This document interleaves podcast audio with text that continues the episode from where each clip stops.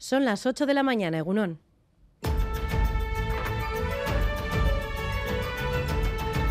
Crónica de Euskadi con Irache Martínez.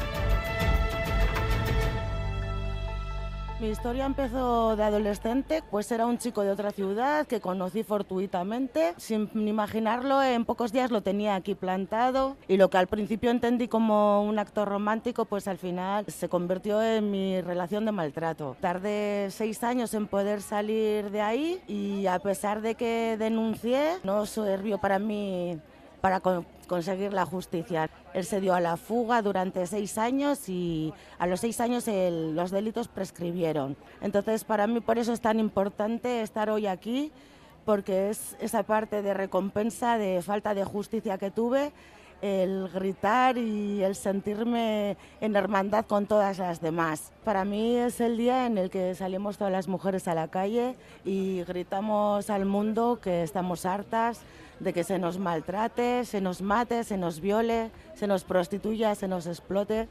Y es esa unión, esa hermandad de, de todas a una. Es la voz de Aitziber, violencia, víctima de la violencia machista anoche en Gambara. Es una de las voces que este 25N gritaban en las calles con signas como ni una más, Ninguna agresión sin respuesta o Gora Borroca feminista. Además de Itziber, millones de mujeres en todo el mundo tomaron las calles una vez más en el Día Internacional de la Eliminación de la Violencia contra la Mujer. Y mientras tanto, la audiencia de Vizcaya ha acordado revisar las solicitudes de rebaja de condena de delitos sexuales una por una. Se desmarcará así de la Fiscalía General del Estado, que había marcado rechazar la rebaja de las condenas de manera generalizada.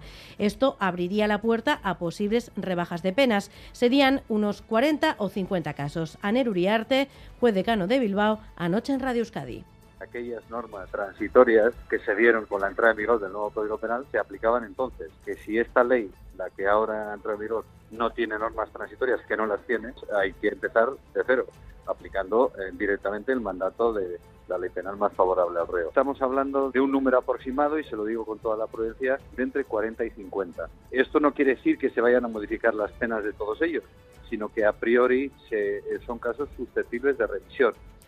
La coalición PP Ciudadanos también presentará una enmienda a la totalidad a los presupuestos vascos y con estas son ya tres las que suma el equipo de gobierno. Pero eso sí, la coalición no cierra la puerta del todo porque asegura su oferta para negociar una bajada de impuestos no caduca. Enseguida hablaremos de estos asuntos en el Parlamento en las ondas y minutos antes hablaremos del pacto educativo con el consejero de Educación, Joaquín Bildarratz.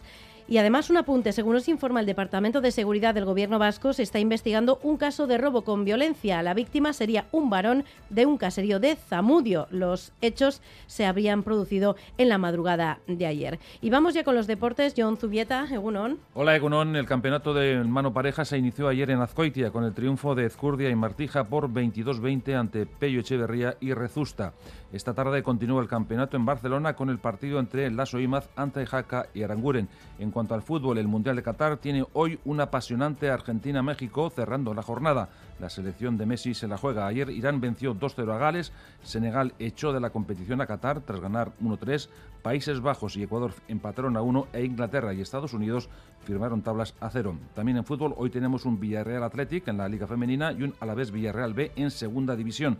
En baloncesto, el Vasconia cayó 86, 96, 84 en la décima jornada de la Euroliga y el Bilbao Basket se cita esta tarde con el Zaragoza en la Liga ACB. Asimismo, el Vidasoa de Irún rinde visita a Ciudad Encantada de Cuenca en la Liga Sobal de balonmano. Y miramos ya el pronóstico del tiempo para las próximas horas. Euskalmet, Jaione Munarri, Segunón.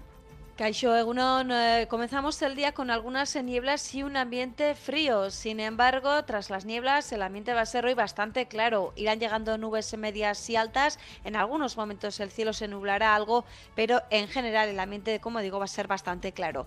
Viento suave del sur que va a hacer que asciendan las temperaturas máximas, sobre todo en el norte, donde se acercarán a los 16 o 17 grados, subiendo algo más incluso en zonas de la costa.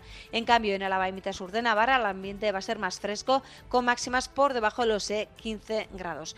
Y el domingo seguiremos con este tiempo tranquilo hasta media tarde, pero después la llegada de un frente por el oeste traerá cambios. Así que hasta media tarde mañana viento sur, temperaturas templadas en el norte y nubes medias y altas, pero a partir de media tarde, comenzando desde la costa de Vizcaya, el viento comenzará a girar a oeste, aumentará la nubosidad y regresará la lluvia que se irá extendiendo para la noche.